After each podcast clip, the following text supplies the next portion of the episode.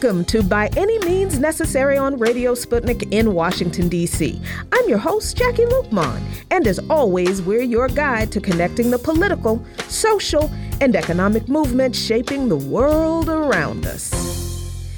And today we're talking about the significance of observing Transgender Day of Remembrance as violence against LGBTQ plus people continues on several fronts. The role that violent anti-Arab extremists played in Netanyahu's return to power in Israel and what that means for Palestinians and how advisory elections can revitalize the peace movement in the United States. And later on in our show, starting at 3:20 p.m. Eastern Time, we'll be opening the phone lines to you. But before we can move on, you know, this weekend was pretty busy for me, and I haven't been this active since starting dialysis. I'm feeling pretty good and getting a pretty good uh, uh, handle on managing the treatment schedule where I can get my four treatments in during the week and still have a little bit of flexibility if I want to move a scheduled treatment day so that I can do something fun during the week. It's been daunting and overwhelming, but I'm getting into some kind of groove finally. So this weekend I finally got a chance to go out and do some fun things and what I what a treat it was. I was able to attend a book discussion for Organize, Fight, Win Black Communist Women's Political Writing at Howard University with the wonderful Dr. Charisse Burden Stelly, friend of the show. It was a treat to see her in person since I hadn't seen her since two years ago at Mumia's birthday rally in Philadelphia. And the talk she gave Friday night was fantastic, and I hope we'll be able to share it with you if the video becomes available. When it does, we'll be sure to drop it on our Facebook page and possibly on Twitter if Twitter still exists, because who knows if Elon Musk has chewed through the power cords, right? It was exciting to be in a room full of young folks at Howard University who were either members of the Claudia Jones School for Political Education or the DC Young Communist League or other radical organizations active on campus which gave me hope that a socialist revolution will be fervently pushed for by the youth who are not afraid of being openly anti capitalist, anti imperialist, and fully communist. It was exciting to be in that room full of inquisitive, appreciative minds, eagerly soaking up powerful words of wisdom from the good Dr. CBS, who also has a wicked sense of humor, by the way, and is that guerrilla academic that Walter Rodney instructed those in academia to be to prove themselves useful to liberation struggles. Then some pretty interesting things happened that I, I honestly never know how to handle, but I'm very thankful for. One man approached me kind of giggly and asked if I was Jacquie Luqman. I said, Well, yes, I am. And he was so excited when he told me that he loves By Any Means Necessary and listens as much as he can. And he also follows me on Black Power Media. media. I thanked him very much, but I have to admit that I am never sure how to handle people who are nervous when they meet me. I promise y'all, there's nothing particularly special about me. Well, except maybe for my love of good pajamas and bad zombie movies, but but I promise you, I really am just Jacqueline, a small lady from a small town in Virginia with a big mouth when it comes to smashing this capitalist system and liberation for the working class and poor. Another dude did the same thing and said he used to listen to us on Spotify every day. But since we were booted off all podcast platforms in the Red Scare of 2022, he's had a hard time being able to listen online because of his schedule. He was pretty excited to meet me too, and I was just as excited to hear him talk about how much he loves the show and the work Sean and I do and how important he thinks our work is to him. I thanked him for his support and told him he can still listen to the shows on SputnikNews.com since the episodes are posted the next day. So you don't have to miss us just because we're not on Spotify or those podcast platforms. You can still get your daily dose of By Any Means Necessary right on the Sputnik News website. I don't know why Dr. CBS shouted me out during her talk, but when she did, the whole room applauded, and now I'm the one sitting there giggling and nervous. And man, I'm really bad at taking compliments. I admit it. I don't. I, I just don't. I don't know how to do it. But I think the best part for me was after the talk, a young brother came up to me and said he followed my work on Black Power Media And even before then, on Luqman Nation, and he thanked me for the shows I did about substance abuse disorder and mental health disorders after my Abdus died. He said that show was so important for him to hear the compassion and understanding that I had, along with the hard, cold science that he never knew, that nobody ever talked about, and the politics behind those issues because of experiences he had in his own family. He thanked me because he said those shows changed the way he saw some of the experience that he went through in his own family, but I'm the one who was grateful for him taking the time to tell me how much show, those shows meant to him because, see, Abdus wanted us to reach people with Luqman Nation. That's why he started it. He wanted us to make some type of impact on this world. He wanted us to raise people's consciousness, to help people understand issues that they thought were too deep or too complex for them to unpack so that they can feel empowered to change this rotten system. And even Sean, who attended the People's Forum this weekend in New York City, said he met a listener who lives in Switzerland who told him they're a daily listener of the show, that we are a big part of her politicization, and that she only knows about different movement groups because of us even though I'm terrible and forget people's names very quickly, I'm so sorry. I'll do better and write people's names down next time. But I truly thank all those folks for coming up to me and confirming for me that Abdus's legacy is indeed alive, and for folks coming up to Sean and letting him know that we here on the show and what we do on By Any Means Necessary, it's absolutely reaching people and making a difference in the world. So for me, as long as I'm alive, Luqman Nation forever. And Sean and I will continue to bring you the kind of content that uplifts and connects people's movements all over the world by any means necessary. And you can follow Luke Nation on patreon.com slash Luke Nation for lots of great content. And those are today's talking points, and you are listening to By Any Means Necessary on Radio Sputnik in Washington, D.C. I'm your host, Jacquie Luqman, and as always, we're your guide to connecting the political, social, and economic movements shaping the world around us. By any means necessary. And let's keep the movement moving on, as they say. I am very happy to be joined by Karleigh Webb, an athlete, activist, journalist, socialist, and contributor to Outsports and host of the TransSporter Room, and Rosa Astra, organizer with the Trans March in San Francisco, to talk about the importance of recognizing Transgender Day of Remembrance, particularly on today, uh, the need for a call for working class unity against all bigotry is so important uh, today, Rosa, as unfortunately we are uh, watching the uh, sad outcome of another act of violence against trans people uh, at, against the LGBTQ community that has occurred just over the weekend uh, as we are uh, commemorating Transgender Day of Remember- Remembrance uh, on November 20th. So, can you give us some history, some background into the Transgender Day of Remembrance and why it is so important today uh, to commemorate this day and uh, to really focus on working class unity against all bigotry, uh, particularly focused against the LGBTQ community today? Yeah, absolutely.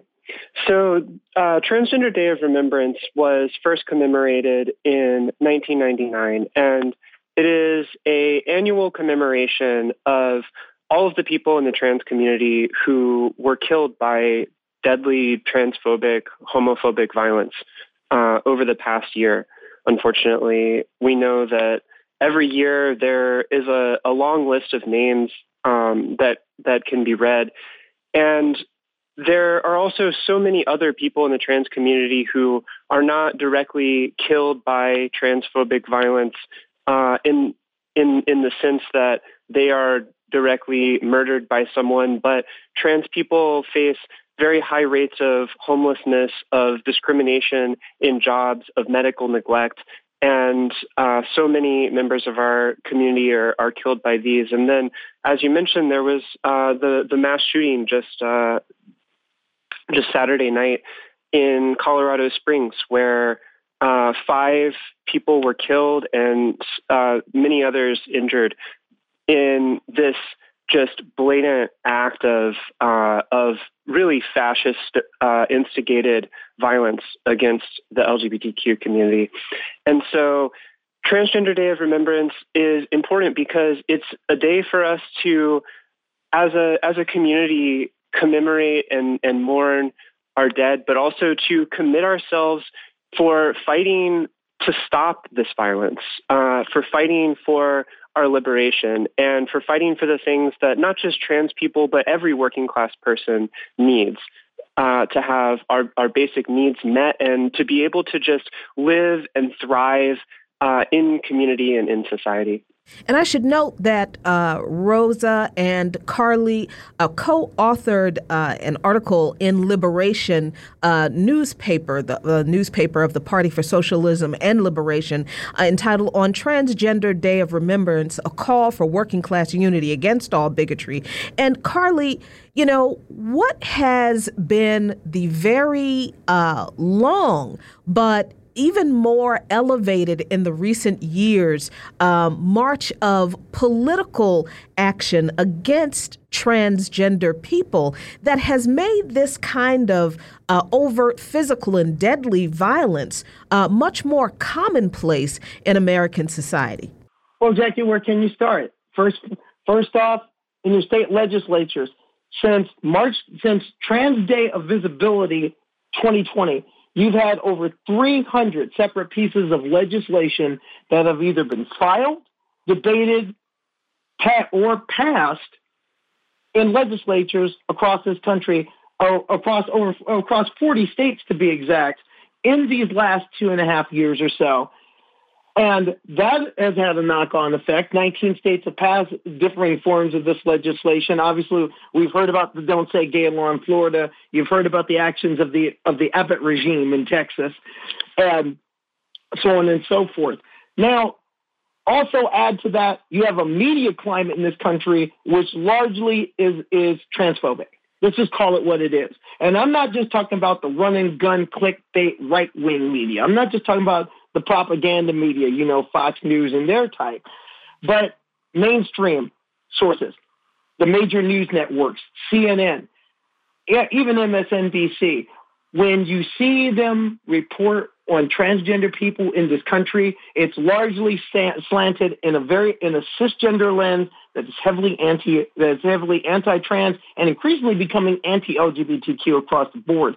And you've got groups that are you've got language that you haven't heard in 40 years coming back. Things such as the whole groomer, the whole groomer hysteria that they're coming after your children, they're coming after your children. And there's of course the trans sports hysteria. And if it's not the trans sports hysteria, it's a bathroom hysteria. All these things are coming together. And the real sad thing is people in our work in the working class, Jacquie, people in our class, the American proletariat, are buying it. They're buying it because they aren't getting a counter narrative. And you're not going to get a counter narrative from the liberals. The liberals, of even the Democratic Party, has shown we will throw LGBTQ people under the bus to win a vote. It is up to revolutionary sources. It is up to revolutionary activists. It's up to those that are on the real left in this country to come forward and give the and give a paradigm that shifts away from that. And really, what you're talking about is if you want to dismantle transphobia and homophobia, you've got to dismantle capitalism. You've got to have the conversation. Absolutely. And, you know, Rosa, as we are, you know, uh, looking at the aftermath of another deadly uh, attack on uh, the LGBTQ community and the trans community in particular in Colorado Springs, what can you tell us about uh, the person who committed this, this heinous crime? And how do we have that conversation, that counter narrative that Karleigh was just talking about, in the wake of such an action that we connect these issues of working class uh, liberation and struggle against repression uh, for all working class people with the struggle for liberation and human rights and self determination for LGBTQ and trans people?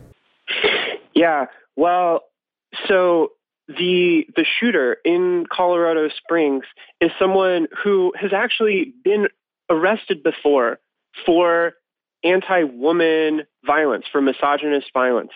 And this is, of course, a, a common pattern with all of these uh, all of these shooters. Uh, you know, so so many of them have a history of uh, abusing their wives, their girlfriends, uh, their their mothers, their grandmothers, um, and we also know that, of course, you know there there are all of these social media uh, accounts. There are all of these uh, talking heads in, uh, especially the the right wing media, who are uh, talking about how you know tr- uh, trans people supposedly pose this uh, this great threat. You know this this like groomer slander that Karleigh was was talking about. And so when you have people who are uh, so so alienated, so sick, so just like inculcated in their misogyny uh, and willing to commit these horrific acts of violence, and then you have this narrative where the they they have these figures in the media that they're listening to, these figures on, on social media that they're listening to, who are telling them who to go commit that violence against, then you're going to get events like this. And we have to understand this in the in the, the broader context, right? Because violence against women, violence against trans people, these come from the same situation. These come from the the, the same overall uh, cultural and social and economic and political context. It's not a coincidence that the attacks on trans people are coming at the same time and funded by the same people and organized by the same far right groups as the attacks on reproductive health care, the attacks on the, the right to abortion.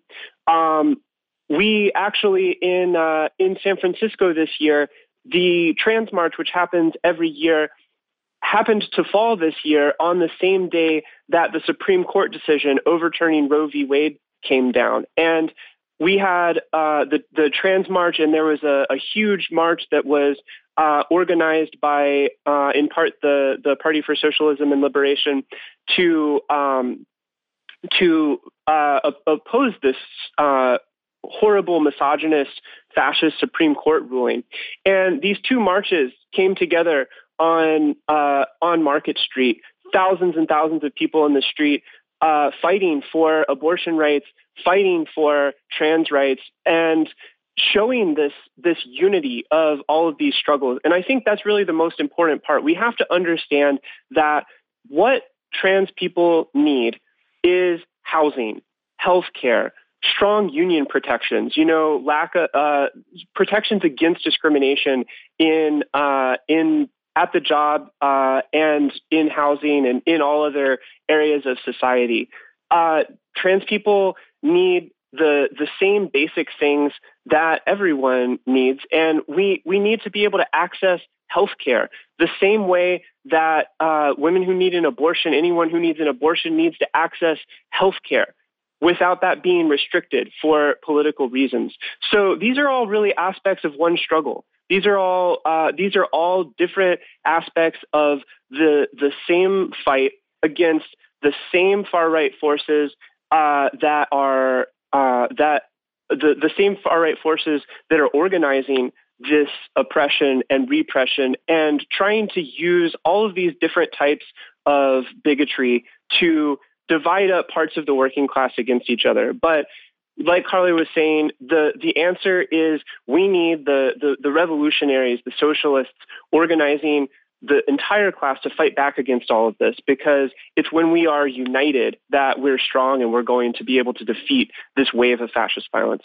That's absolutely right. And I'm glad you ended on uh, that this is a wave of fascist violence because, Karleigh, I think that so many people in this country misunderstand uh, that we are in an era of rising fascism. Not that fascism has not always been here, as uh, George Jackson uh, uh, noted in Blood in My Eye in 1976, I believe, when that book was published. Fascism is already here because it's always been here. But how do you see uh, the attacks on LGBTQ people politically and the, the physical violence? How do you see that as being uh, a, an expression of fascism as opposed to kind of the Hollywood kind of fascism that people uh, often uh, think about when they think about fascism?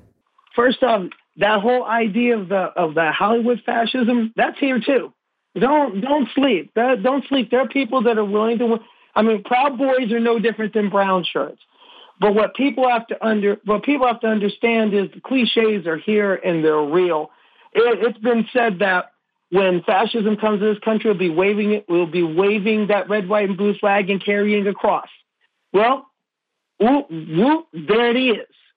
You have these people who call themselves Christian nationalists, and they and these people have deep pockets and they've gotten so much eh, they've built their own media sources they've gotten so much access they've infiltrated everywhere and it's so bad they've even infiltrated within the community. This is what you're seeing here is part of the design. All these people like you know the family Re- the family research center focus on the family all these big money christian groups they've had this plan going for about eight years where they said basically the first thing we're going to do is divide divide the LGBTQ community. We're going to make sure that, that the lesbian and gays will tolerate the cis lesbian and gays, but we're going to keep that T out of there. And then once we get rid of the T, we're going to strike down the rest of those letters without look when you're not looking. And they're already doing it. Look at Roe v. Wade, for example. That's not just a matter of reproductive rights. That's a matter of bodily autonomy. Being a trans person, that directly affects me. And they're using it by hitting people uh, they're hitting people at two places that Ameri- that especially white Americans. You hit them, they'll it's a Pavlov's it's a Pavlov's dog response. They'll go for it every time, and that's faith and fairness. In the case of faith, they're using they're infiltrating people's churches and saying it's them, it's those evil trans, those groomers. They're coming after your kids, and then they they go for American sense of fair play. That's where that that's where the whole sports hysteria comes from. And don't sleep. That sports hysteria, it's a real thing. It's a, it's a real thing. They're using it. And then how they infiltrate our community, they use key people in our community that they that they know will speak out. You know, people that they know will speak and will tap dance to their music, like these gays against groomer, these gays against groomers people, which is really right wing operatives who are taking that money and trying to pump this narrative, or the the new detransitioner hustle. And there's something I want to point out here with that one because the, the kid who's become the face of the detransitioners had an ugly tweet this morning. Chloe Cole had a tweet basically saying the vast majority of LGBTQ people want to just live their lives are suffering because extremely radical trans activists are using the acronym as a shield for their degeneracy.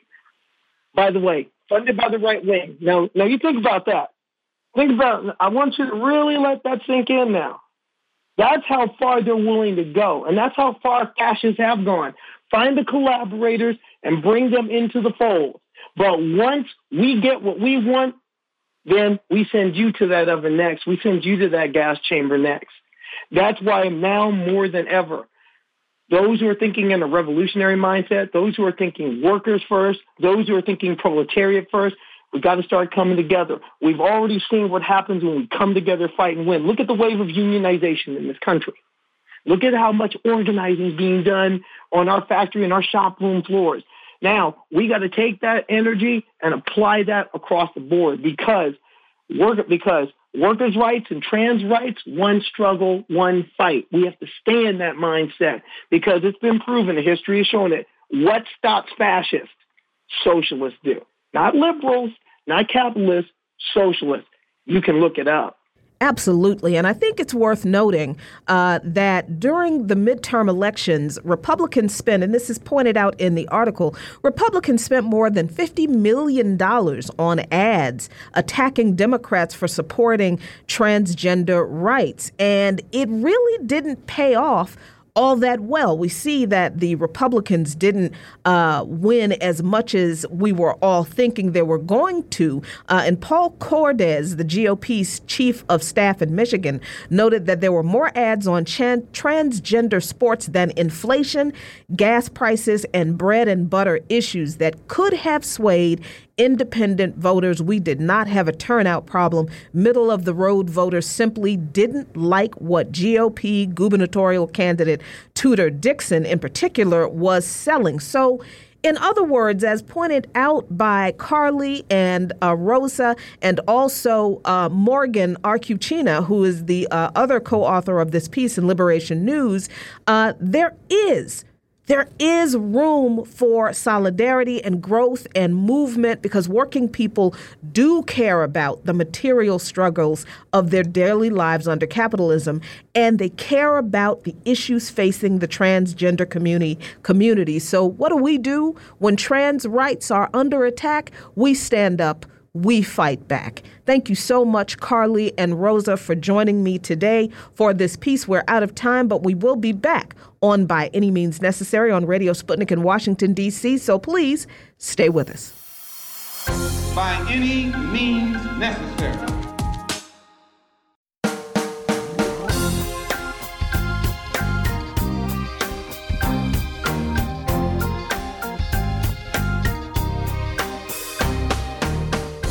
Welcome back to By Any Means Necessary on Radio Sputnik in Washington, D.C.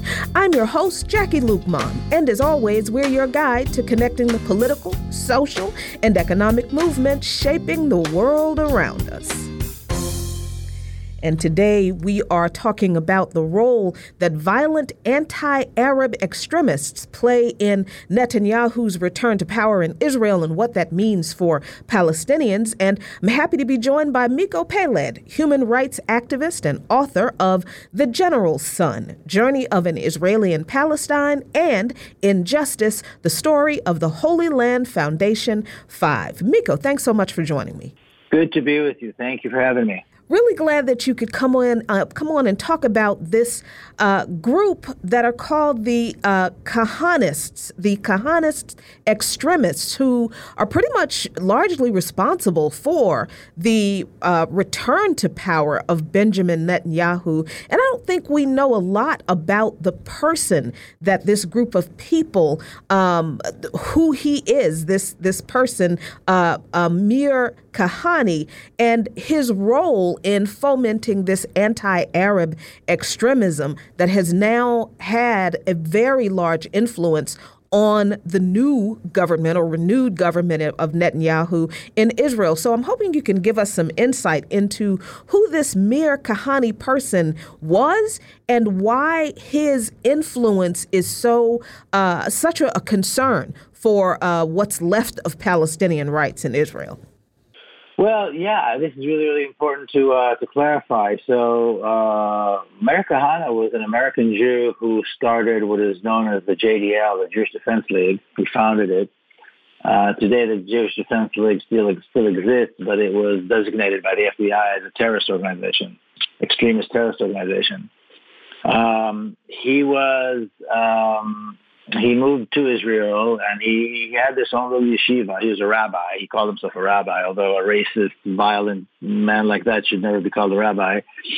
He had his own his own yeshiva where he, you know, he would take uh, all kinds of kids off the streets and, and, and teach them to be racist radicals. And then he ran for the Knesset, the Israeli parliament, in 1984. Um, and he actually managed to, to secure enough votes to, to get in, but he was a pariah. You know, he was, he was, he called for the forced transfer of all Arabs, all Palestinians from Palestine.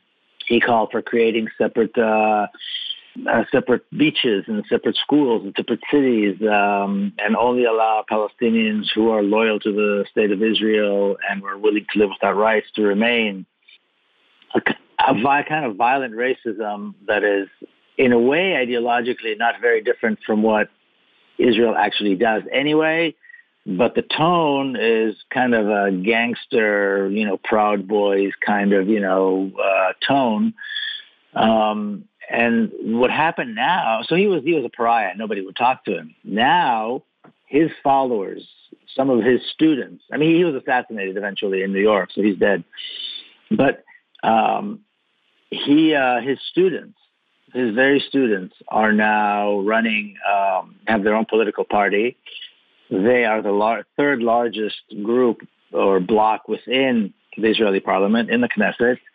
They are Netanyahu's key to coming back to power. Um, and they're negotiating now for what they're going to get as a thank you and for guaranteeing that he, Netanyahu, will, uh, will uh, indeed be the prime minister.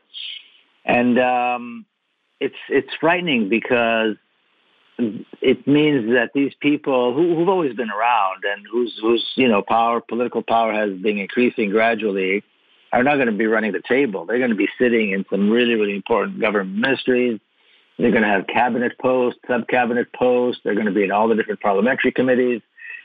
Uh, they're going to be controlling budgets, and this will affect the lives of Palestinians, which are, are already, you know, unlivable, practically unlivable, in a way that's going to make what is going on today look like the good old days. You know, they're going to affect them, number one, because they'll be in charge of these government offices, these government, you know, ministries and the budget, but also because their base has been empowered by this uh, rise to power. And we just saw 30,000, 30,000 of their followers go into Hebron, the Palestinian city of Hebron, and riot and loot and beat people up and and smash into people's homes, Palestinians' homes, and beat you know just horrific, horrific stuff. Um, and nobody nobody stops them. So Palestinians are going to be are going to be subjected to even more violence and more racism and more discrimination than they have ever been before, and that is really frightening. That's horrifying. Thirty thousand of these followers uh, rampaged through a Palestinian city and that was nowhere broadcast on U.S. media, probably not in British media or any European nation. So literally, we're not hearing about, which is not a surprise, Miko. This is, you know, typical. This is, you know, standard uh, uh, operation for uh, U.S. media when it comes to the issues of the violations of human rights uh, against Palestinians that are committed by uh, uh, the government of Israel and its supporters but this particular uh, issue with these Kahanists being members of the new government now of Netanyahu, uh, how will that violence be ramped up, particularly in the issue of settlements? Now, the United Nations, of course, has always declared that the settlements are illegal.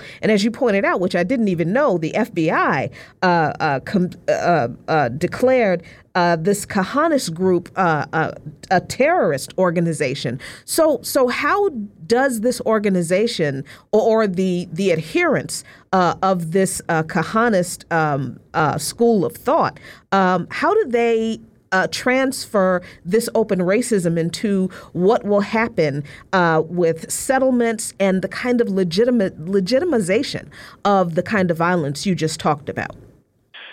Well, you know, they they've never had a seat at the table, and so on the one hand, you've got, like you said, the JDL, the Jewish Defense League, which was a, created by Kahana, and we've seen them at protests show up to to pro-Palestine events and and and you know beat people up and that sort of thing. Uh, we've seen it here in Washington D.C. in the past. Uh, so they've been they've been designated uh, by the FBI. Um, in Israel, uh, it's it's I mean it's very very different because ideologically, Israeli society and Israeli government, when it's you know, are in line with this very racist, um, you know, kind of rhetoric um, and ideology. But they uh, th- this is a much more gang kind of mafia style of violence, you know. Um, these guys have never did not kill as many Palestinians as any Israeli general or Israeli defense minister, obviously, who seemed like you know nice guys. They wear suits. They're you know uh, they're well spoken, but the, they giving them the power to run the lives of Palestinians. This is the first. So they're going to be sitting in these government ministries that, for example, deal with housing, uh, deal with development. Palestinians, um, and I'm talking about now Palestinians who are citizens of Israel, so 2 million Palestinian citizens of Israel, hundreds of thousands of Palestinians who reside in Jerusalem will be under their control. Um, already, you know, home demolition numbers are, are, are through the roof. Uh, lack of access to clean water, lack of access to electricity, and this is, you know, right next to or across the street from Israeli communities that live, you know, very well. You know, some of the highest standards of living that you can imagine in the West, by Western standards. And so now it's going to be worse because they're going to get less schools, less budget, less water. The life is going to become more difficult. And these gangs that run around, like the 30,000 that came to Hebron, um, and have been have been doing this for, for a very long time. They will go into a Palestinian city, they will beat, they will torture, they will destroy, they will poison the water into the water wells. I mean, they do terrible things. Um, and uh, that's going to be much, much worse now because they have the power. Now they're they have a seat at the table. And not only that, the Israeli government has what's called kind of an inner cabinet, which is the security cabinet. They're going to have a seat at the table that. So that means they're going to have access to some very sensitive information and they will be making decisions which even the Biden administration has already expressed concern um, because when it comes to defense issues, uh, and security issues, the, the U.S. administration and the Israeli government work very, very close together. And the Biden administration, unofficially, of course, has already expressed great concern over the possibility that one of these guys, that these people are going to be in the defense ministry, that the Americans don't want to deal with them. They don't want to have them on the other side of the table. And they might have to. So this is even creating a rift between uh, two governments. Just just the thought of having these guys in power or, or in places of power is is scary to the Americans. And you know, another aspect of this uh, development that is really terrifying is the danger that it poses to the Al Aqsa Mosque. Can you explain why uh, the the Al Aqsa Mosque is now even more in danger uh, than it was before because of these political developments? Well, one of the one of the there are several important issues that that that that, that these people are pursuing. One of them is what they call stronger governance, which basically is a code word for uh, tighter controls over the lives of Palestinians and and more more discrimination against Palestinians. The other thing is they are all of the belief that the Al-Aqsa Mosque should be destroyed and a so-called Jewish temple should be built in its place on the Al-Aqsa compound, or what they call the Temple Mount. They have been leading uh, marches and protests and and tours. I've I've actually joined them a couple of times on these tours throughout Al-Aqsa, and it's it's terrifying. Now these people are going to be in a place where they're actually running budgets and government ministries and, and government bureaucracies where they will have the power to do this.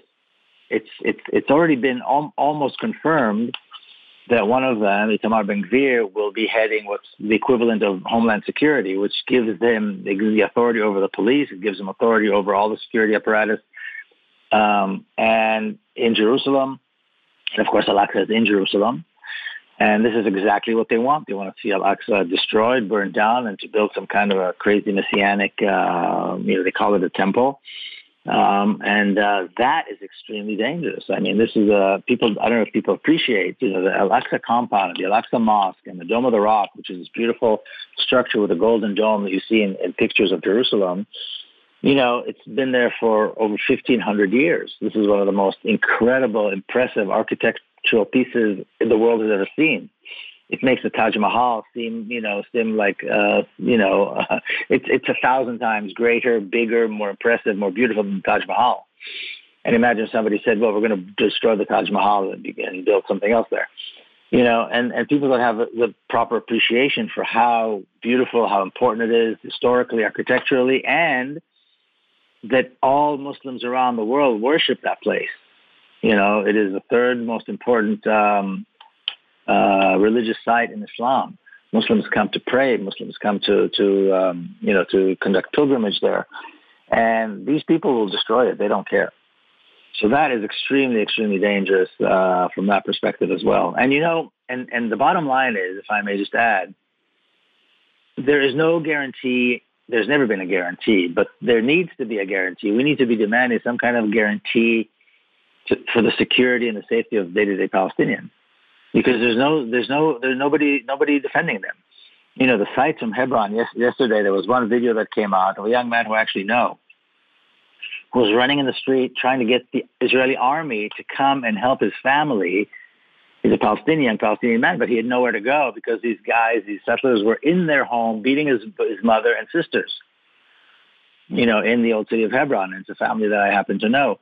And he's running in the streets and he's so frustrated and he's asking the army to come in and intervene. nobody's going to intervene. The army is not going to come and intervene against the Jews and for Palestinians and uh, and there's nobody. There's nobody for to Palestinians to turn to. There's nobody defending. There's nobody caring about the safety and security of Palestinians. And this is a terrible, terrible thing. This is a terrible, terrible thing. And it's not part of the conversation anywhere. Who is going to? Who can Palestinians turn to for safety and security? And the answer is no one. There's nobody out there. Well, then that's why it has to be us. I want to thank you so much, Miko Peled, for joining me for this very important discussion, but we're out of time. We'll be back on By Any Means Necessary on Radio Sputnik in Washington, D.C., so please stay with us. By any means necessary.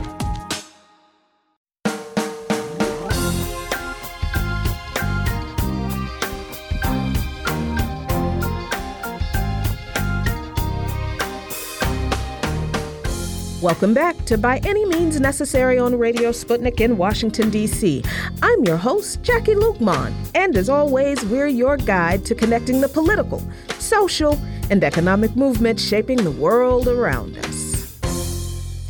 And today we are talking about how advisory elections could possibly revitalize the peace movement in the United States. And I'm happy to be joined by Bill Crosier, board member of the Foreign Policy Alliance and president of the Houston Peace and Justice Center. Bill, thanks so much for joining me today. Great to be here. Thanks. Absolutely. Now, this is a really interesting prospect, I think, because uh, the peace movement certainly needs, I think, a new playbook for how we engage in uh, organizing regular folks, you know, not preaching to the choir. And the, the idea, I think, is that uh, non binding advisory elections might be a way to do that, to stimulate national conversation about militarization and nuclear weapons. So, how is that possible? How do we, we use advisory elections to have these conversations with people in an electoral setting? Well, it's that's a good question. You know, the the idea is it started from the nuclear freeze movement back uh, 40 or something years ago, um, where people all over the country decided they weren't getting enough action from Congress or you know to to do something about reining in nuclear weapons, and so they started using um, local um, non-binding referendums and initiatives and various things like that to get attention to the issues. And there were several hundred cities and counties and you know municipalities that were able to get local propositions on their ballot locally, uh, basically expressing their opinion that you know we need to do something about reducing the number of nuclear weapons. And it was actually pretty successful, and that helped uh, get a lot of attention in Congress and elsewhere to, um, you know, uh, eventually we ended up with the START Treaty and some other um, treaties that were at least regularly reduced and not eliminate nuclear weapons. And so we're proposing using the same sort of approach um, to help, you know, rein in some of the excessive military spending and um, related areas. Um, there's a lot more information on our website, by the way, at foreignpolicyalliance.org. Yeah, you know, some of the things that uh, have been noted to have been successful in bringing uh, conversations about militarism and nuclear proliferation and even uh, issues like the Ukraine war in uh, referendum public hearings, like in New Haven. Uh, people turned out for a virtual public hearing to talk about. Um, uh, uh, you know, the uh, uh, military spending and other issues. So, how can these kind of referendums be used in local uh, electoral races to do just that, to talk about these pressing issues, particularly as the Biden administration has just narrowly escaped losing the the the Senate? Uh, and is pretty much limping along uh, in its last two years of his administration with the Ukraine war and the unpopularity of the funding for the U- Ukraine war weighing heavily, not just on people's minds, but certainly on people's pocketbooks, as the re- recession that is certainly fueled by this militarism is is in people's budgets if it's not on people's minds. Well, you know, the, the Ukraine war is, is kind of complicated, and I think it's correct that all the spending related to that has accelerated inflation, probably worldwide, not just in the United States. Um, but, uh, you know, whether there's support for it or not, uh, I think there actually is a lot of support for it here in the United States. Uh, you know, I think the Putin kind of galvanized people to, you know, by invading uh, Ukraine to support more military activities. I think that's unfortunate. I think it's probably, I think in the United States, we're probably going to continue to have a lot of support for the Ukraine war as long as civilian targets are being attacked. Now, we, you know, uh, uh, the, uh, those of us in the foreign policy alliance still want to reduce military spending. We think military spending has been way too much for many years. Uh, the United States has spends more money on its military than I think the next six or seven countries combined. Um, you know, but if whenever people feel there might be a threat, they're more likely to support military spending. So we've kind of gone backwards, I think, in the last you know, in the last well, 10 months or something like that since the um, Ukraine invasion. But I'm still hoping more in the long run. Uh, hopefully, this will be resolved one of these days before long. I'm still not sure how that's going to happen, but we we do support using diplomacy, not just for this issue, but lots of other international conflicts. I think we we need to use the United States and other countries as well. You need to, need to depend on diplomacy as the first um, method of solving disputes and disagreements internationally. And that's been downplayed, I think, too much over the years. Yeah, you know, and the way that you that the FPA advocates uh, a localist strategy using these advisory elections and these kinds of referendum uh, discussions, how do you see uh, the the nuts and bolts of that working, even in the midst of you know widespread support of uh, the Ukraine war? How do you see uh, these referendum um, uh, public testimonies being able to raise the issue of military spending and also kind of help people kind of confront uh, their uh, uh, thinking and, and maybe some of the misinformation that is coming from corporate media uh, in uh, the Ukraine war, but also exposing the need for a, gr- a broader understanding of U.S. foreign policy um, in, in, general? Well, yeah, think your last thing first. Yeah, we do need a better understanding of foreign policy, um, and uh, but to get back to where your the first question about how do we specifically do the get grassroots support uh, there's two major ways. One is, and they're related. One is to, uh, if in states or municipalities where they have initiative, where people can actually require things be put on the ballot by a petition drive. That's one way to do it. And many cities and sometimes states don't have a really high threshold for that. Um, California's been kind of pretty well known for having um, initiatives put on the ballot and I'm not sure what the percentage is, but you have, have to have a certain percentage of the, uh, I think, registered voters to uh, put something on the ballot. And they've had all kinds of things, and some other states do that too. Texas, where I live, does not have that, but um, you can also uh, uh some cities do, and in fact, Houston, which is where I live, uh, you can we can do that. But also, and maybe an easier way is to lobby uh, friendly city council people, for example, or county commissioners to decide on their own to put an initiative or put a, um, a referendum on the ballot. So it wouldn't necessarily be um, required by a, pet- a, petition drive because that's somewhat more involved in, in getting done. But uh, you know, a lot of the uh, people, I guess, in all four levels of government are concerned about getting support for local issues. And for example, uh, if we can get people to realize that more military spending means there's less money available for things that help the people in our communities, whether it's health care or you know police and fire protection. People are always concerned about that, or other you know local interests. Sometimes uh, it's flooding. Sometimes it's uh, disaster relief. All kinds of things. They're essentially these different um, causes are competing for money with the military spending. And so I think that's the idea is to get people thinking about that there is this choice people are making, uh, people in government. You know, are we going to spend all these billions of dollars in the military, um, uh, especially on weapons that we may never need again, uh, or should we be spending some of it to help people locally?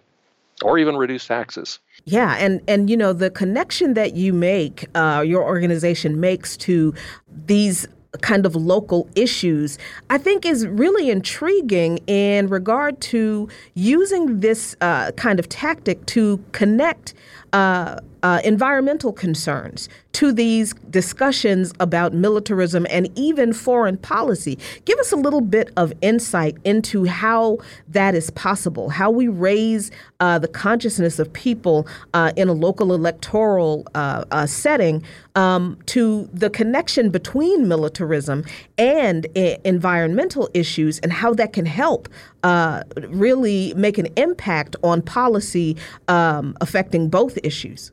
You know, I think I see it as part of it as a rather direct relationship. Some people don't see how spending military spending and the military in general and environmentalism, for example, are linked. Now, it's interesting. The, the, the U.S. military has recognized that climate change is a real threat, uh, and they are actually doing some things to try to, you know, reduce their carbon footprint. I don't think nearly enough, but they are doing uh, taking some initiatives and, uh, for example, installing solar panels at a lot of their bases and stuff like that. But we need to educate people a lot more. The the huge amount of military spending is makes it more difficult to get attention to climate change. And I'm, i was really glad that the uh, Congress and Biden approved this, you know, a few months ago. The the Inflation Reduction Act. It was kind of misnamed, but the idea was to spend some money, at least some more additional money, on helping people insulate and uh, come up with more efficient appliances, you know, heating and cooling systems, for example. All these things help reduce the amount that we amount of carbon fuel that we use. But there would be more money available if we spent less on the military. Uh, there'd be more money available to help with this and other things that you know help people into you know as in their communities. And you know, a big part of this um, tactic, or one of the the main goals, I think, of this tactic, at least that I get from it, is really to uh, uh, break the control of foreign policy away from the elites in Washington and make regular people, the people here domestically who are actually impacted by foreign policy a lot more than they realize, uh, educating people uh, on a local level that they are uh, impacted by foreign policy and thus you know, penetrating that elite uh, bubble that's around foreign policy that can, you know, makes all of these terrible decisions that affects certainly people negatively around the world, but us here domestically. It's about wresting some of that control for, of uh, foreign policy from those elites who really just direct foreign policy to make more money for them uh, without any regard for the impact that it has on the lives of regular people around the world and domestically. So, how do you see that uh, being accomplished uh, with this strategy? Well, you have to de- define who you're talking about in, in terms of elites. Uh, I think, and I think many of my friends in the Foreign Policy Alliance feel that the um, we need to learn from what Dwight David Eisenhower stated and his, you know, he was leader of U.S. or I guess Allied forces in World War II uh, against uh, Nazi Germany, and and then he became president. And his last speech, uh, as he was leaving presidency in I believe 1960, he warned people of the growing threat of the military-industrial complex, uh, where basically um, weapons manufacturers are having way too much influence on government, and they uh, if anything, that's increased. It's gotten a lot worse since then instead of getting better. And they make a lot of money from contracts, obviously, to build miss- missiles and bombers and aircraft carriers and all the other things. And um, so it's to their uh, financial advantage to keep the military spending flowing, and they spend a lot of money lobbying Congress, and that's where I think the the real conflict of interest is, is that we've got to somehow insulate people in Congress from all this lobbying, the expenses that the military does, uh, and frankly, I think the the war in Ukraine has made this worse. It's it's it's made it easier for them to say, well, we've got to build you know more more missiles and to give to Iraq. I mean, to give to Ukraine. Excuse me.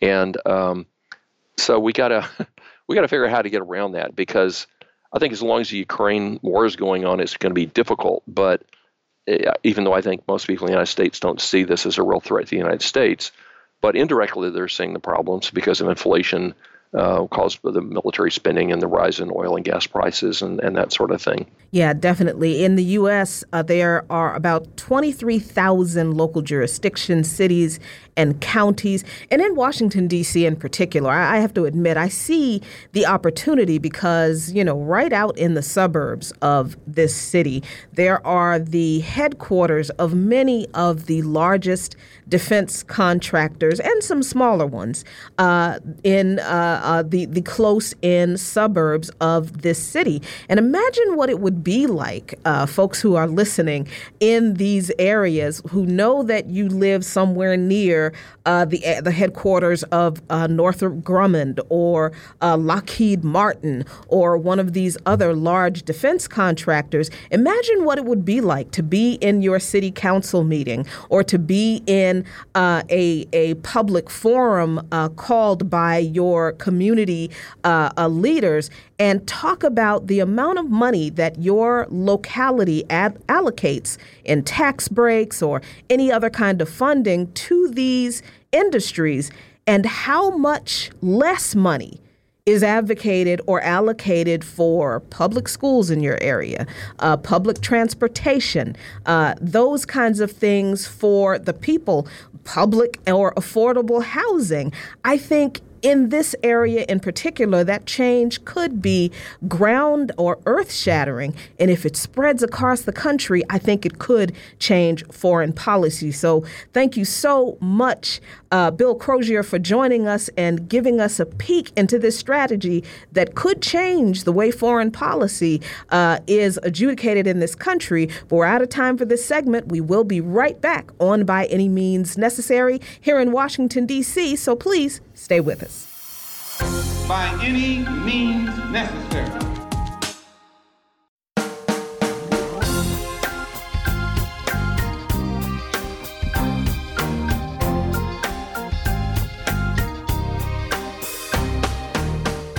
Welcome back to By Any Means Necessary on Radio Sputnik in Washington, D.C. I'm your host, Jacquie Luqman. And as always, we're your guide to connecting the political, social, and economic movements shaping the world around us.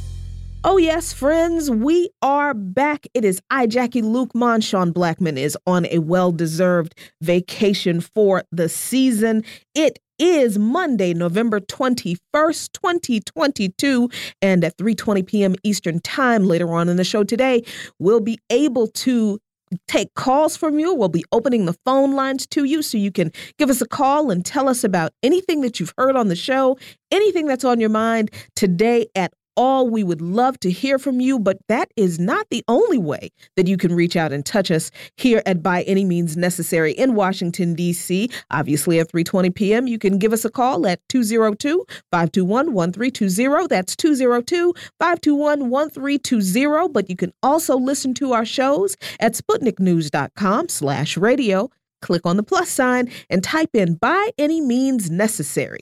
You can also hear us on sputnik.mave.digital. That's M A V E dot digital. And you can listen live on your radio dial at 105.5 FM and 1390 AM in the Washington, D.C. area from 2 to 4 p.m. Eastern Time each weekday.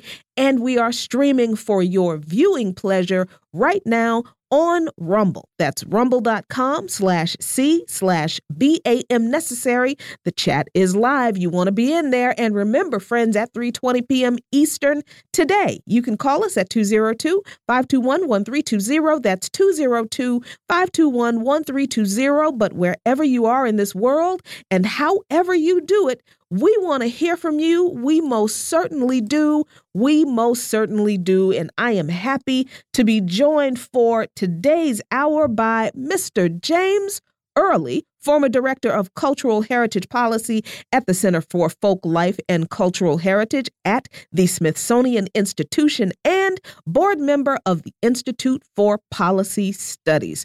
Mr. Early, how are you doing? Thanks so much for being back with us. I am doing much better that I am now with you, Sister Comrade Jacqueline Luqman, bringing us news analysis, political education. It is so wonderful to be back on the program with you in particular. It is really wonderful to hear your voice and to have you back. And, and I got to tell you, it is wonderful to be back on the program on a regular basis, too, all things considered.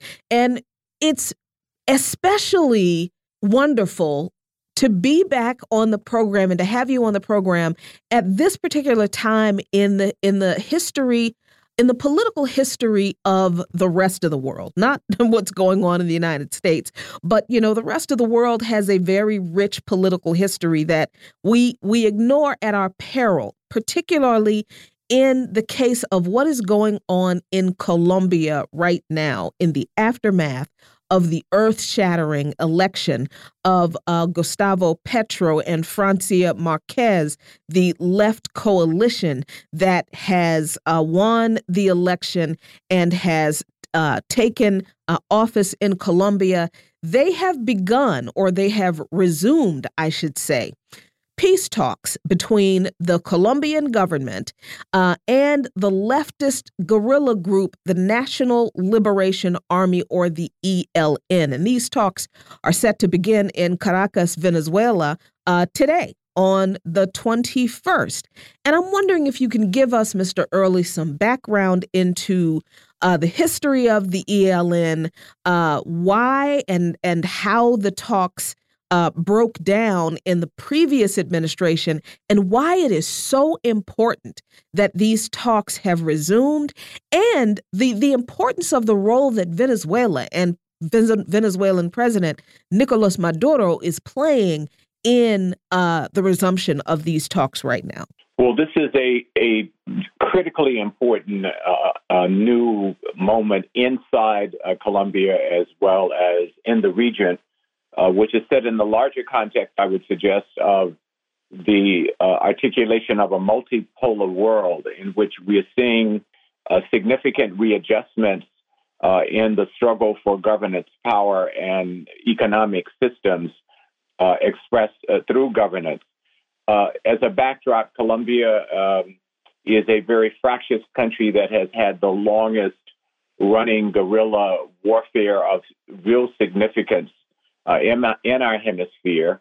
Uh, the FARC, uh, which uh, signed a peace agreement uh, under the last administration, I had the opportunity a few months before that agreement was signed to be the only U.S. participant of 15 people from around the Americas to go to Cuba to sit with the FARC.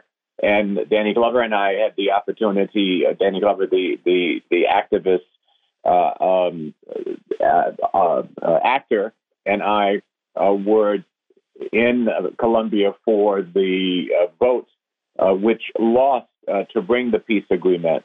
And so that now with the Petro Marquez government, there is new content to that, specifically around Francia Marquez, who is very much uh, laterally connected. She's not a professional politician.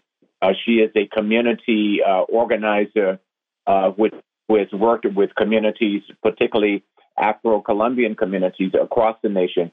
And now with Petro, uh, they have made it clear to the United States that they are moving forward in the negotiation uh, with President Maduro of Colombia, first signing an accord to renew diplomatic relations, and now uh, Venezuela playing a significant role in the negotiations uh, with the ELN, uh, as will be the Cubans. Now, that presents certain contradictions here for our American uh, listening audience to think about and to become engaged in. Uh, the Biden Harris administration has continued the Trump administration policy of keeping Cuba on the list of state sponsored terrorism without any evidentiary basis for that. Uh, in effect, what the Petro Marquez government has said that notwithstanding the U.S. position, they are moving ahead to deal with uh, Cuba and helping in these negotiations. And uh, they have, like the United States, uh, moved to uh, really re engage the Maduro government. The United States for different reasons, and that is the multipolar issue around oil, in which the Saudis and others and OPEC, uh, recalling that Venezuela uh, was the founder of OPEC many, many decades ago. Uh, and so, with the situation in Ukraine uh, around fossil fuels, uh, as well as around wheat in particular and other foodstuffs, we have this waterbed effect where we are seeing a readjustment. And so that it has given um, uh, the Petro Marquez government some latitude to engage the Venezuelans. The Biden administration has also begun to engage the Venezuelans around oil. And so these are some of the complexities uh, that we need to follow both internally uh, with Colombia as well as Colombia in the region, uh, as well as Colombia and Venezuela uh, on the world stage. Uh, so it, it is a very momentous moment. I should also point out at this very moment, this is the first day of two days in Colombia right now where there is an international conference on reparatory justice with Afro descended representatives uh, from the Saudi Republic on the continent of Africa, uh, as well as representatives across uh, the Americas, notably with the absence of participation, as far as I can discern, from Brazil, the largest uh, African descended population uh, outside of Nigeria. So there's still work to be done. But this is sort of the, the puzzle complex, if you will, uh, that citizens need to try to inform themselves about and work their way through to one, inform their organizing constituencies here in the United States, and to make sure that their representatives in uh, local, state, and federal mm-hmm. governance uh, are reflecting our knowledge base and our aspirations to be participants uh, in these justice movements. And you know, Mr. Early, what is the significance of the uh, uh, the renewal of these peace process uh, peace talks with uh, the ELN in regard to the Colombian government recognizing uh, marginalized groups in the country, and what is, as you ended uh, your first comments with, what are the points of of um, organization, the points of unity we can have with those groups of people uh, who are being represented by the renewal of these peace talks uh, here in the United States. Because I, I, I always feel like we are the victims of a lack of, of knowledge of history. So we don't recognize uh, the the the um, the significance uh, really uh, of this group uh, being recognized formally by the Colombian government now, and what that means to certain people in Colombia and why that's important or why that should be important to us here. Well, this is the developments inside Colombia at this moment are particularly important to indigenous and Afro descendant communities, as well as trade unionists who have been the primary victims of vigilante and paramilitary violence uh, with a closed eye and, and de facto complicity of former uh, state representatives at the highest level from uh, the right winger President Uribe and his uh, puppet follow up uh, Duque and others, uh, who have one overseen the production of the largest production, I think, of cocaine in the world. Of course, the U.S. is perhaps the largest consumer market, so there's a capitalist relationship here be- between uh, demand and, and, and, and supply. And Petro has taken a very uh, detailed uh, political analysis and public position on this. One, he has recently stated that he is doing nothing that the United States is not aware of, meaning that he's got them leveraged now, that the United States uh, has to recognize the steps that he's taken. Secondly, he just announced, I think it was yesterday, I saw the photographs and some of the people I actually know, like Carlos Rosero, one of the tremendous Afro Colombian organizers, along with uh, uh, uh, the Vice President Francia Marquez, are members of the negotiating committee with the ELN. These will be very delicate, uh, and uh, of course, the Petro Marquez government has taken another kind of step in light of what happened to the to the FARC negotiations when the FARC signed a peace agreement now a few years ago, and the country did, voted against that agreement, and the FARC gave up its arms, and many of uh, its participants have been uh, victims of assassination, and some of its key leadership has gone back underground. It seems that the Petro government has opened up a more transparent uh, uh process. Uh, he is changing the military and the police operations, and so there is a good chance that this will go forward. Another uh, issue here, though, in this negotiation with the ELN is that President Petro has met with indigenous and Afro descendants in the last four weeks, and he has said explicitly to them that your sectoral uh, democratic policy agendas are fundamentally important. But he has cautioned them and challenged them in being insular and too narrow because he has pointed out that what is at stake is the struggle against the elite in Colombia and that they have to see their particular struggles in the context of participating in the leadership and in the policy formation of all life defining issues in Colombia, not just in their ethnic or, sec- or, or trade unionist or indigenous or Afro descendant uh, uh, uh, perspectives.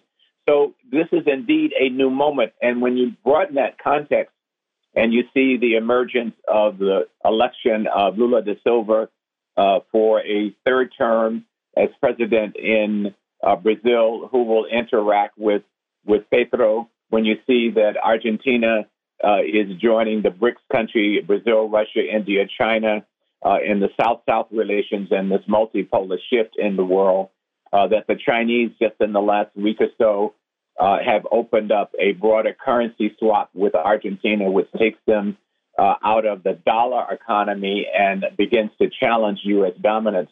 And of course, uh, the outspoken perspectives of President Obrador in Mexico all of these are parts of the spoke around the hub of Colombia. And I would just conclude this point by saying I refer to Colombia as the hub because I've said before on this program there are eight U.S. military bases in Colombia with a long history of training the police and the military and using those bases as a threat against South America, particularly, and the Caribbean, and generally, particularly looking towards Cuba.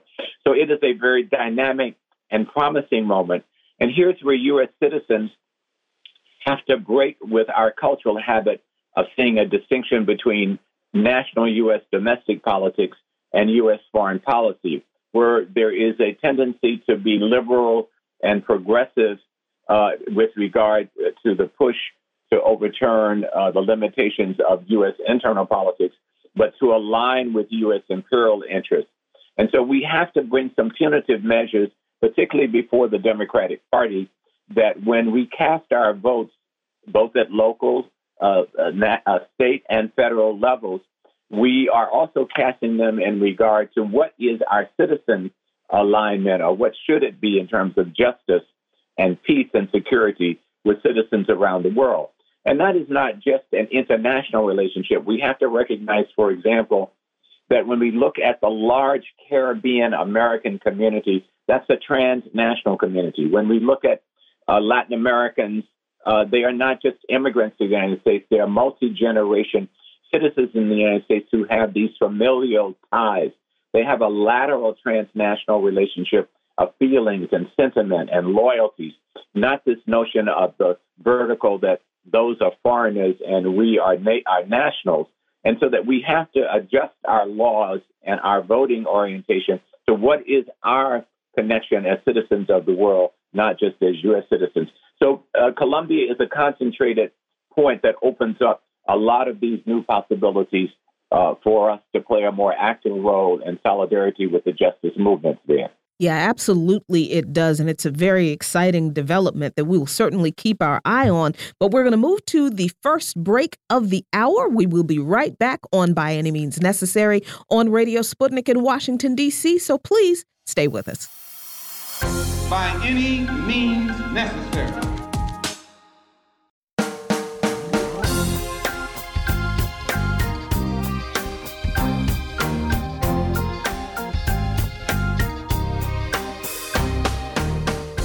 Welcome back to By Any Means Necessary on Radio Sputnik in Washington, D.C. I'm your host, Jacquie Luqman, and as always, we're your guide to connecting the political, social, and economic movement shaping the world around us.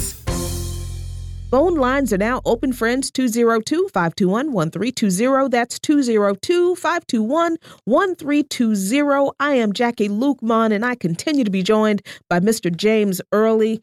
Now, Mr. Early, in the previous segment, you brought up Cuba and China in kind of separate context, but they are engaged in uh, negotiations or will be soon that I think are very interesting and very much a part of the multipolar uh, kind of coalescing that's been going on and I think is even ramping up.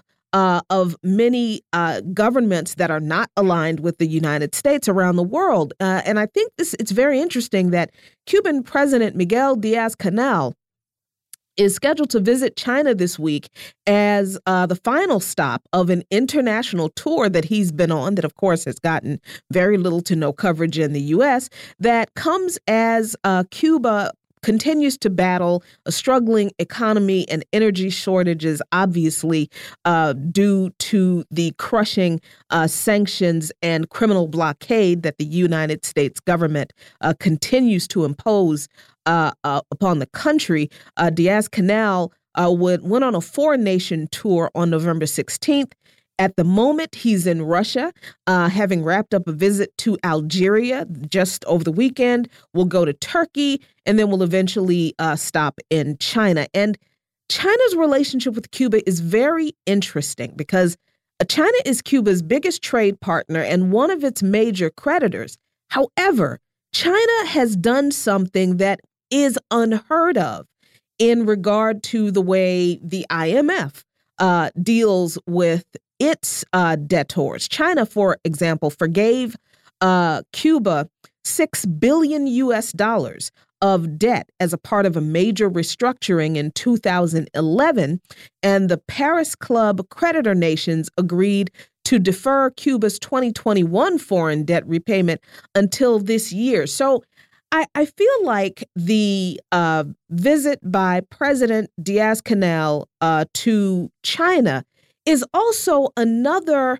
uh, brick, if you will, in the building of this multipolar uh, formation that is the BRICS uh, nations that is really being led by China and Russia. And I'm wondering what your thoughts are on this uh, trip by Diaz Canel to China and what impact you think it's going to have on U.S. foreign policy toward all of these countries now. I, I think a very important question. Uh, first of all, um, Cuba is in a dire economic situation. They are experiencing uh, the worst internal crisis of deprivation of some basic goods and medical equipment uh, and the like uh, since the fall of the Soviet Union. Uh, some would even argue it's more intense uh, than that period. Uh, one of the reflections of that is we're seeing an unprecedented out migration of Cubans taking illegal steps to leave the country. risking drowning in leaky boats and the like, trying to come into South Florida and many of them going into Central America and Latin American countries to come up uh, north uh, through uh, uh Mexico. So these are uh, dire economic situations, uh, which is impelling these unnatural flows that is complicated are really enforced through the U.S. embargo. I think it's important for citizens here in the United States to deal with the term embargo because it is a legislative mechanism mm-hmm. to dismantle. Uh, from the Cubans' point of view, which we should also understand and be supportive of, it is indeed a blockade designed to strangle them and to uh, move uh, the population. And this was explicitly said during the Eisenhower era uh, to squeeze the Cuban population uh, such that it will turn against and overthrow its constitutionally elected social, socialist government. where something near, I think it was 83% or so of the Cubans voted uh, in for their constitution, which explicitly uh, proposed Cuba as a socialist environment. So, what is going on then with Diaz Canel's and these international movements? Uh, one, he is strengthening uh, his alliance in order to get uh, material relief, uh, both in terms of debt and particularly in terms of energy uh, coming into Cuba and setting up uh, other relations. Uh, Cuba has recently opened up uh, to foreign investments, and so that this may be another look at foreign investments that will help them maintain their socialist path, and with the surplus of that will redound to the general public in terms of free health care, free education, uh, ensuring that uh, they have solid housing, uh, and and and those kinds of socialized uh, uh, fundamental perspectives within Cuban uh, socialism. But at the same time, what is little talked about in the press is that the United States, under the Biden-Harris administration, despite maintaining the draconian measures of the Trump administration and adding additional uh, sanctions on Cuba and without any evidentiary basis putting Cuba on the list of state sponsored uh, state sponsored uh, uh, terrorism is also tactically moving to deal with this immigration issue. Just last week, uh, a high delegation from the U.S. State Department uh, was in Cuba talking about this. I met with members of SEDE, which is a progressive lobbying group on uh, whose advisory board I sit with uh, people like Medea Benjamin, uh, Andy Shallal, uh, Bus Boys and Poets, and others meeting with the State Department to argue of taking Cuba off the off the list of state-sponsored terrorism. So uh, we're seeing the U.S. Uh, expand its consular services, and there's some tactical movement.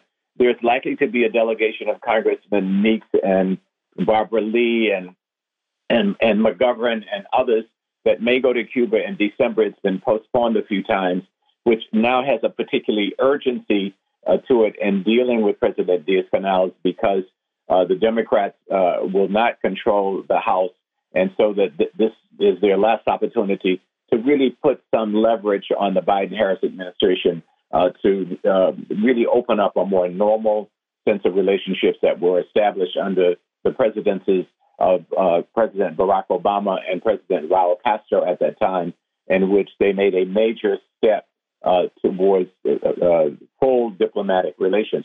So this is the context of Russia, China, Turkey. All of these are fossil fuel extractive industry areas that can be a benefit to Cuba, and they are a counterbalance in the international shift of this monopolar world. Now, having said that, uh, one of the tendencies in U.S. culture, and I would argue perhaps in global political culture, even among progressives, is to look at these movements as though it were a basketball game or a soccer game of which team is winning, which block is winning. And I think that is fundamentally the wrong way to evaluate the significance of these motions. So the real question for Cuba and others who are moving uh, in this new context against NATO's expansion into Africa, uh, into Latin America, uh, the threat against China, uh, all led by the United States, is what redounds to the working class, to the most marginalized elements of those national societies, not just where their governance structures are in play, uh, one block against the other. And in the case of Cuba, I think it's uh, fairly uh, simple to re- to deduct that the benefits from the travel and what will come in terms of investment and relief of debt and the provision of energy resources will redound to the working people of Cuba because it has uh, the most advanced system and where there is clearly a socialist orientation to the defining elements of life that their citizens need.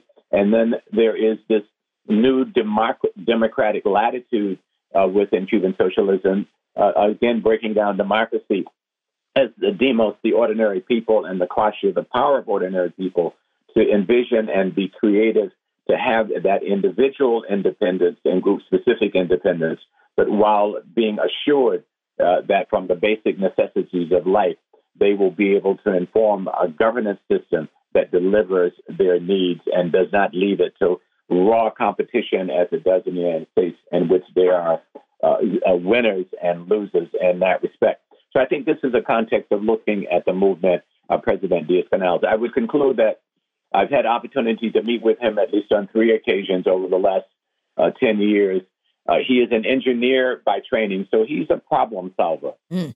Has big ears. He is a listener, and he spends a, a considerable amount of his time literally traveling the country of Cuba, meeting uh, with citizens in all of the provinces of Cuba about their views and aspirations, and being very explicit of holding the government representatives as well as the representatives of the Communist Party accountable uh, to the aspirations, the critiques, the needs, and the formulations put forth by citizens. So this is the context in which I think we should look at the movement of Diaz Canales in these uh, on this particular tour. And you know, I, I just gotta say, as a complete aside and and you know, completely personal observation for myself, I am always wildly impressed at the people that we have on this show, the circles that we are touched by, like we are literally two degrees of separation, or would that be one degree of separation from President Diaz Canel of Cuba? And that is through Mr. James Early. And I'm sorry, I'm just going to revel in the impressiveness of that for myself right now because I'm in this this spirit of of of the the harvest of thankfulness for me, and and I'm going to take that as something to be thankful for right now. So excuse me, Mr. Early, for for you know enjoying that that moment as I'm thinking, wow, I am like literally one degree of separation away from President uh, Diaz Canel of Cuba, and how great is my life? Mm, I, I could I couldn't help but saying that, but but you know as we're thinking about the relationship between Cuba and China uh, and Russia, th this this aspect of China, which is arguably the largest economy in the world. All this business about the United States trying to compete with China, there, there is no competition as far as economies are, are, concerned. I think if we're honest, we should just admit, uh, those of us who really are tired of this horse race kind of sports event analogy this this competition that's supposed to happen between China and the US there is no competition China is the largest economy in the world what do you think the the political calculus is that China uh, is is considering when they do things like forgive, you know, six million dollars in uh, or six billion dollars U.S. in debt for Cuba uh, and other um, uh, uh, international finance organizations defer Cuba's debt. How, how do you think that plays into this coalescing of the uh, multipolar uh, world that we're seeing. And, you know, how do you think these uh, uh, government leaders are assessing the I mean, it is it is going to be there. There's obviously going to be blowback from the United States, but it seems to me that they're not very concerned about that blowback. And what do you think that means, just in general, in the larger, bigger political, socio-political um, a world that we're seeing being born? Well, these are long standing, uh, complex uh, historical relationships uh, between countries in the global south who were subject uh, to Western uh, and U.S. Uh, imperial domination in the case of China.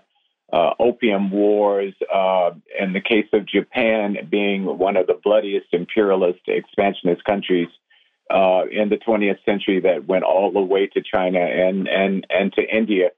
And so that the socialist outlook uh, for all of the critical complications that need to be transparently put forth of, of its uh, failures and, in some instances, atrocities, that ideal uh, has impelled them, uh, these countries, to continue to find a way to collaborate with ordinary people to control their own lives and not be controlled by corporate entities, corporate politicians, uh, monopolies, and the like, uh, and to become beholden to the charity uh, of other countries. So this is an international solidarity expression.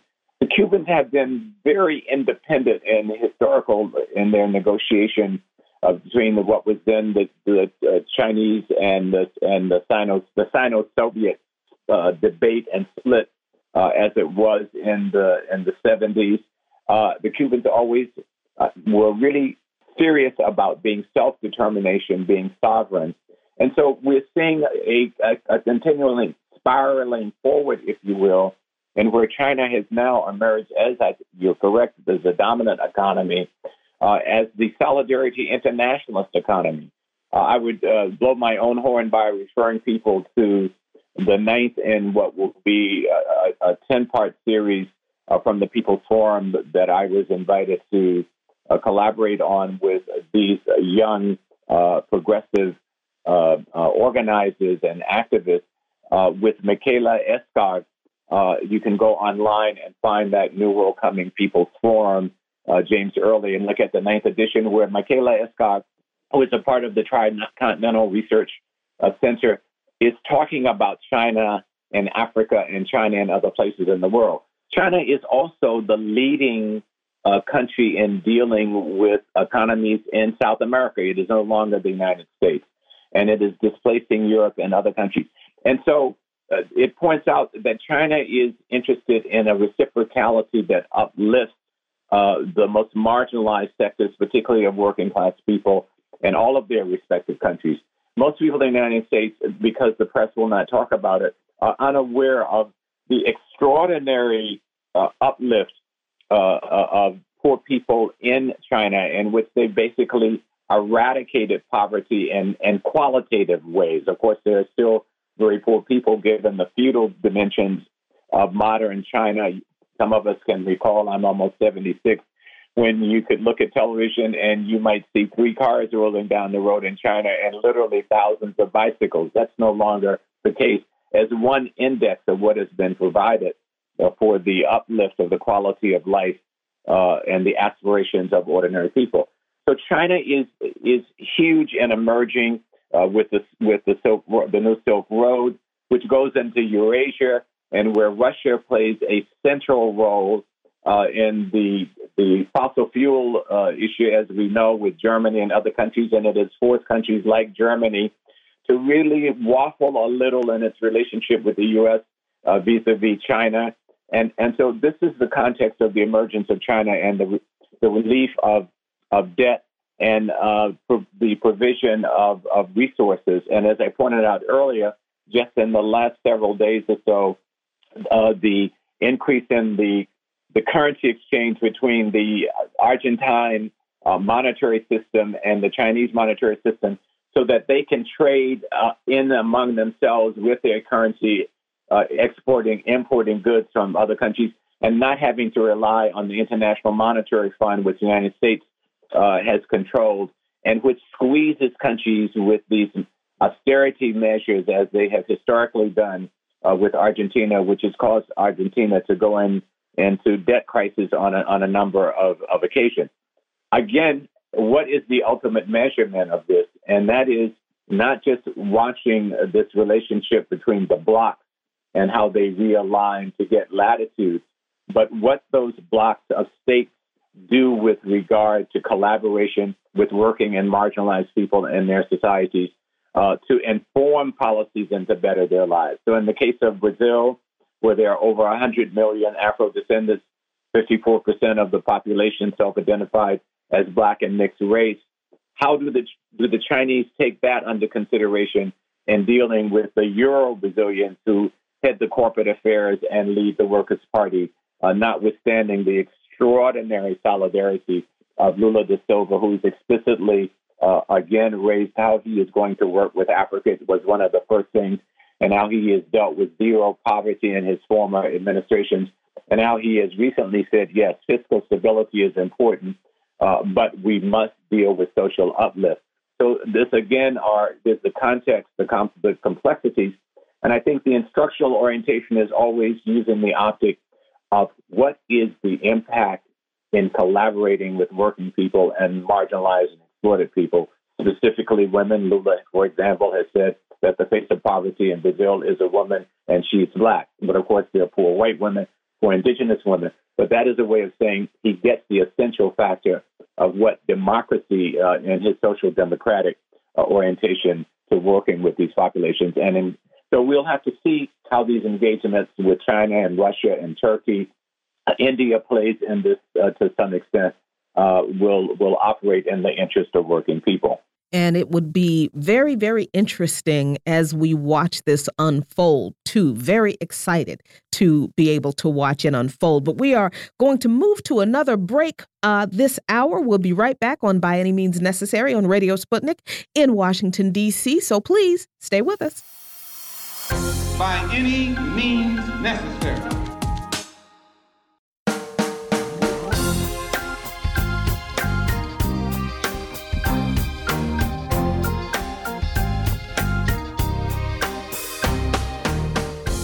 Welcome back to By Any Means Necessary on Radio Sputnik in Washington, D.C. I'm Jacquie Luqman, and as always, we're your guide to connecting the political, social, and economic movements shaping the world around us. Phone lines are still open, friends. 202 521 1320. That's 202 521 1320. I am Jacquie Luqman, and I continue to be joined by Mr. James Early. And Mr. Early, I want to pivot a little bit to talk about Haiti because even though uh, the United States and the United Nations have not gotten their way with a another uh, invasion and occupation of Haiti, as the United States has been pushing for because last month, the Haitian government, which let's not forget was imposed upon the nation by the United States, made an extraordinary appeal for an armed intervention to confront eh, armed gangs that are also armed and propped up by the United States to, to allegedly stabilize the nation. Uh, the United Nations Security Council voted to impose sanctions on gangs and individuals who fund them, but that's that's not really happening uh, because no one in the United States and none of the U.S. State Department, USAID, National Endowment for Democracy, CIA, alphabet uh, soup cutouts are being uh, impacted by the sanctions at all. Um, but, you know, the diplomats have not decided whether to send a multinational force. And I think it's worth noting that the reason that vote uh, has resulted in nothing happening from the United Nations was, was largely because Russia and China refused to vote for uh, a, uh, a multinational force to be sent from the United Nations. So now Canada seems to have um, uh, uh, announced sanctions on some powerful politicians in Haiti, uh, part of a supposed broad push by Canadian officials uh, to punish people believed to have ties to the gangs uh, uh, that have been terrorizing Haiti. And among those being targeted by the sanctions were uh, Michel Martelly, who was president from 2011 through 2016.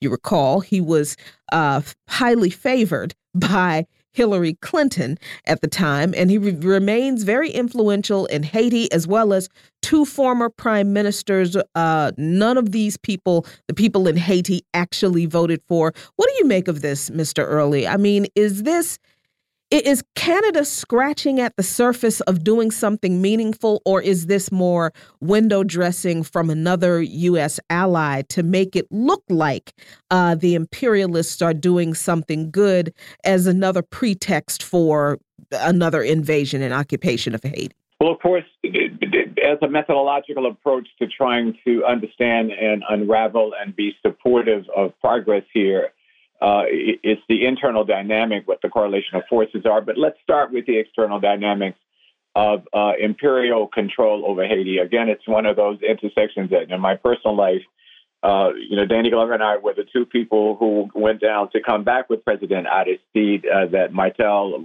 you know, threatened um, in all kinds of um, uh, harmful ways. He he spoke publicly repeatedly because of his fear of the return of Aristide, who decided that he was not going back into a political office. Uh, it, this is a farce. Uh, on the, is where I'm leading here on the part of Canada and the United States, and it's a dangerous farce. Uh, after supporting Martel, uh, did they not know that he was involved with Colombia drug lords? Um, what, where was their due diligence when they were right up front in supporting these anti-democratic um, politicians in Cuba and denying Lavalas, uh, the grassroots uh, party in, in which uh, Aristide was involved in, uh, to to really handle the internal situation. Now, looking internally at Haiti at this moment, it is a crisis moment. Um, uh, it, and, indeed, uh, gangs um, have taken over the public sphere, and um, the the elite politicians who have relied on Canada, the United States, and France, who have been exploiting the masses of people in Cuba, I mean, and and and, and, Haiti, are now are about to lose total control. It's been a long time since I've been in Haiti, but over the years I've visited Haiti twice. I've never seen poverty as I have seen in Haiti. Even in the most elite areas with huge houses where the elite live, outside are squatter communities of Haitian, really Haitian uh, peasants squatting, uh, cooking out of doors, uh, uh using water that are run, running through gutters. It's an extraordinary, uh, unbelievable, horrific uh, poverty and isolation and alienation where the masses of these people are Creole speakers. So their symbolism, their cosmology about the world is so dramatically different from the imposition uh, of the elite, both in terms of the French uh, and and the U.S. I listened to Ron Daniels of the Institute of the Black World 21st Century this morning uh, on Zoom and his opening presentation at the International Conference on Reparation uh, being held in Colombia starting today and runs until tomorrow, and people can find that online. And what he talked about, I really agreed with.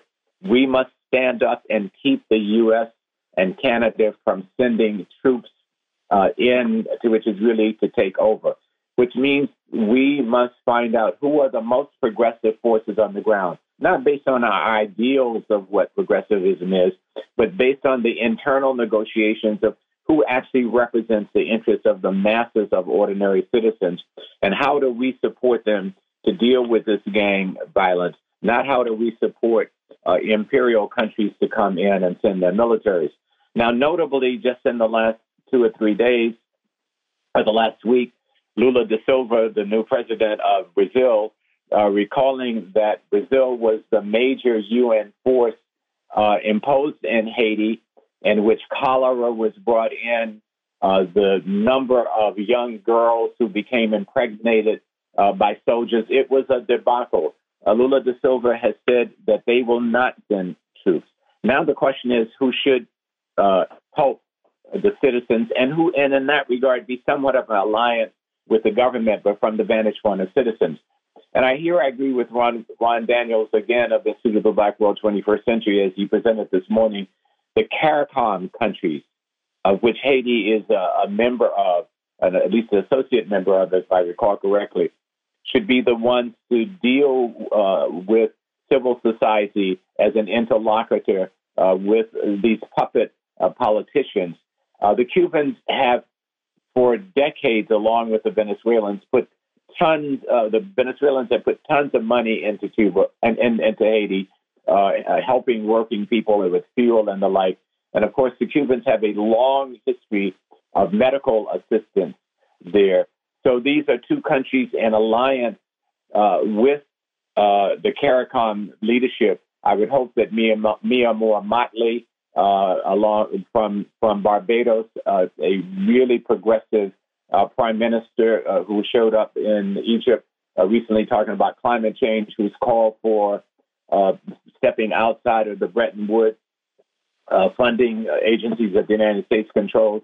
I would hope that Barbados would play a role. I would hope that Prime Minister Ralph Gonsalves from from the Grenadines would also another progressive would play a role. And I think uh, in our listening audience, particularly those of you who are of Caribbean background and Haitian background in particular, citizens of the United States as well as immigrants and residents, but all progressive people would write uh, to CARICOM uh, representatives to the embassies here in Washington, uh, to the prime ministers and presidents of Caribbean countries, and to say that they should take the lead in working with their fellow Antillean country, Haiti, uh, because we all, as the late Hugo Chavez, president of Venezuela, led us into re- recognizing we all owe a debt to Haiti, enslaved Africans defeating Napoleon's army and developing the first republic in the world uh, coming from enslaved people, in this instance, from enslaved African people.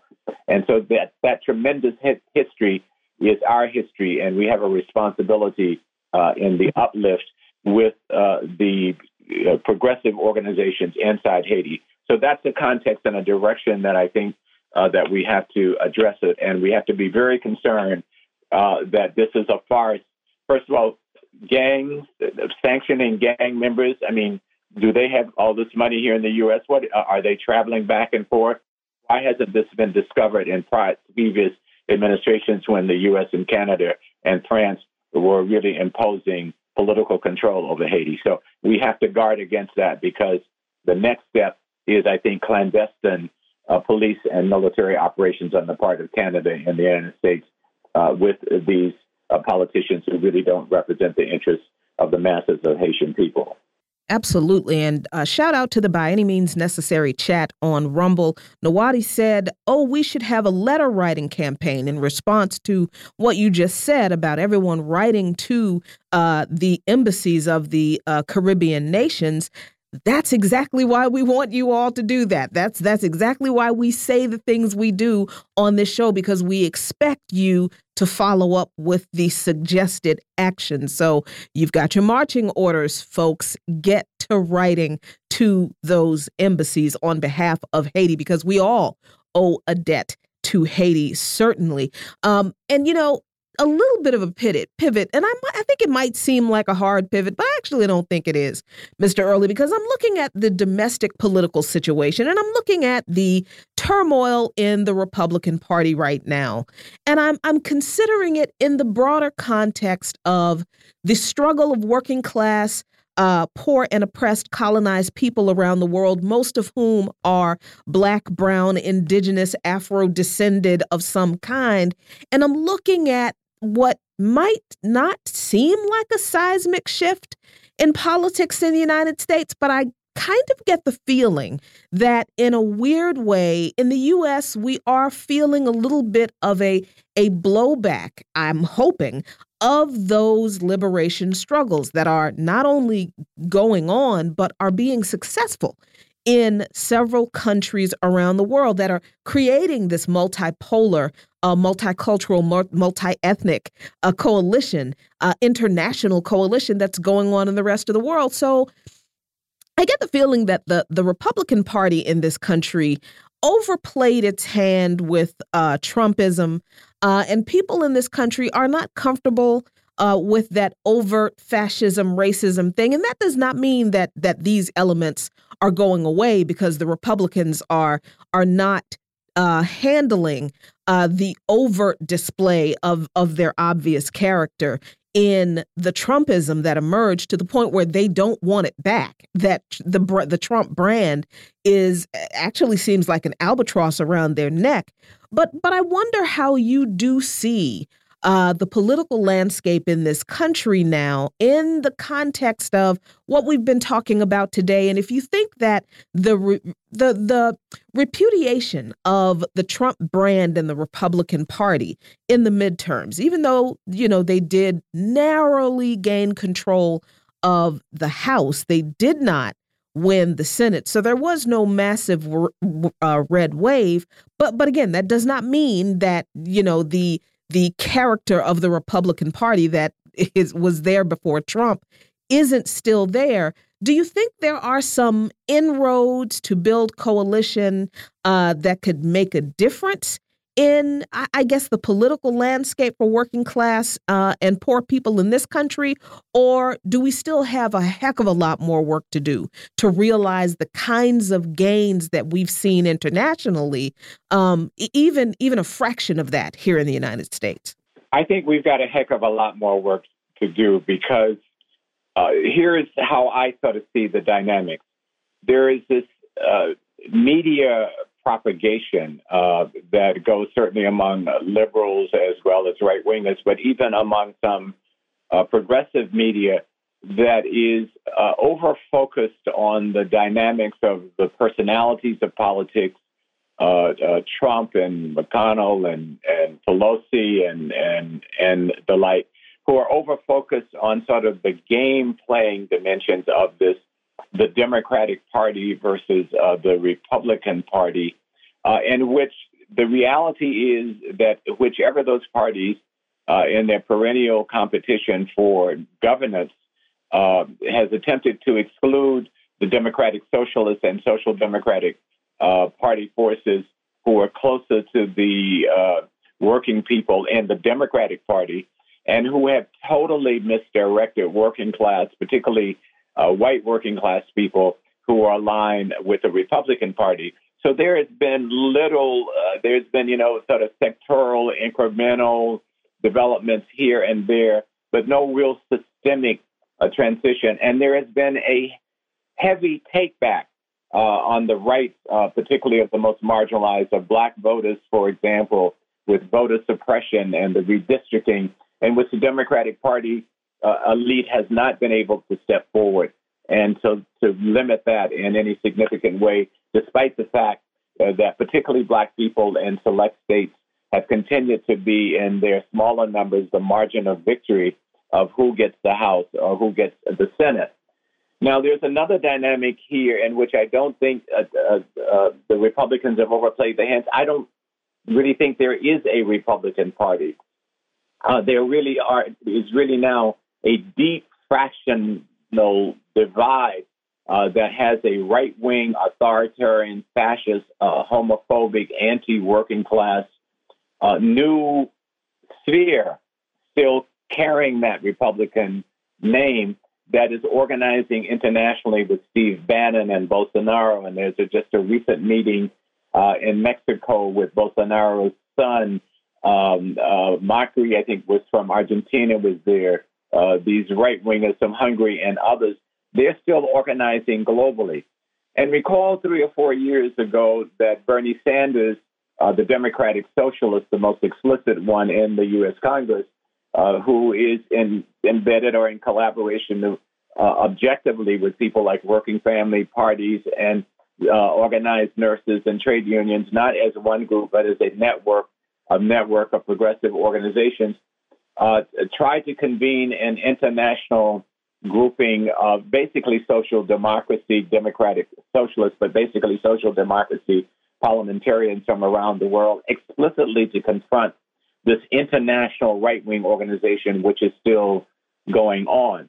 Now, what is the last uh, the last dynamic of that that I will mention that we really have to pay a lot of attention to in the work that is to be done is that when Joe Biden was uh, elected as the, the president over Donald Trump, he was very explicit in his campaign, and he continues to lean in the direction of the return to normal order.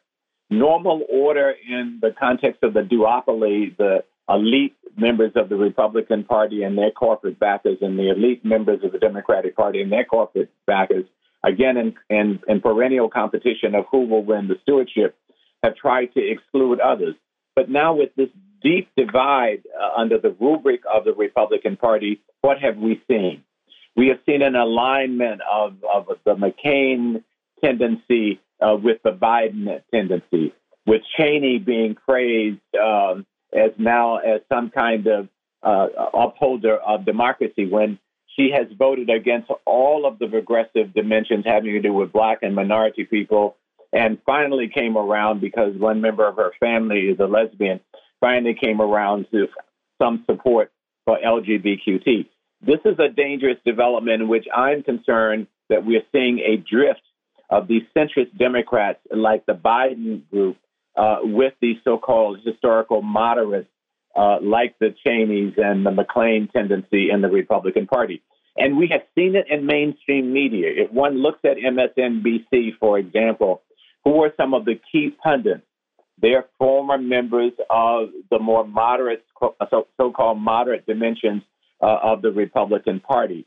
So it means that the grassroots has really got to continue to move towards more radical, progressive uh, elected officials at local, state, and federal levels who are in constant, uh, continuous communication and collaboration with them, not just using them as mannequins to move around the chessboard of the elites of these parties.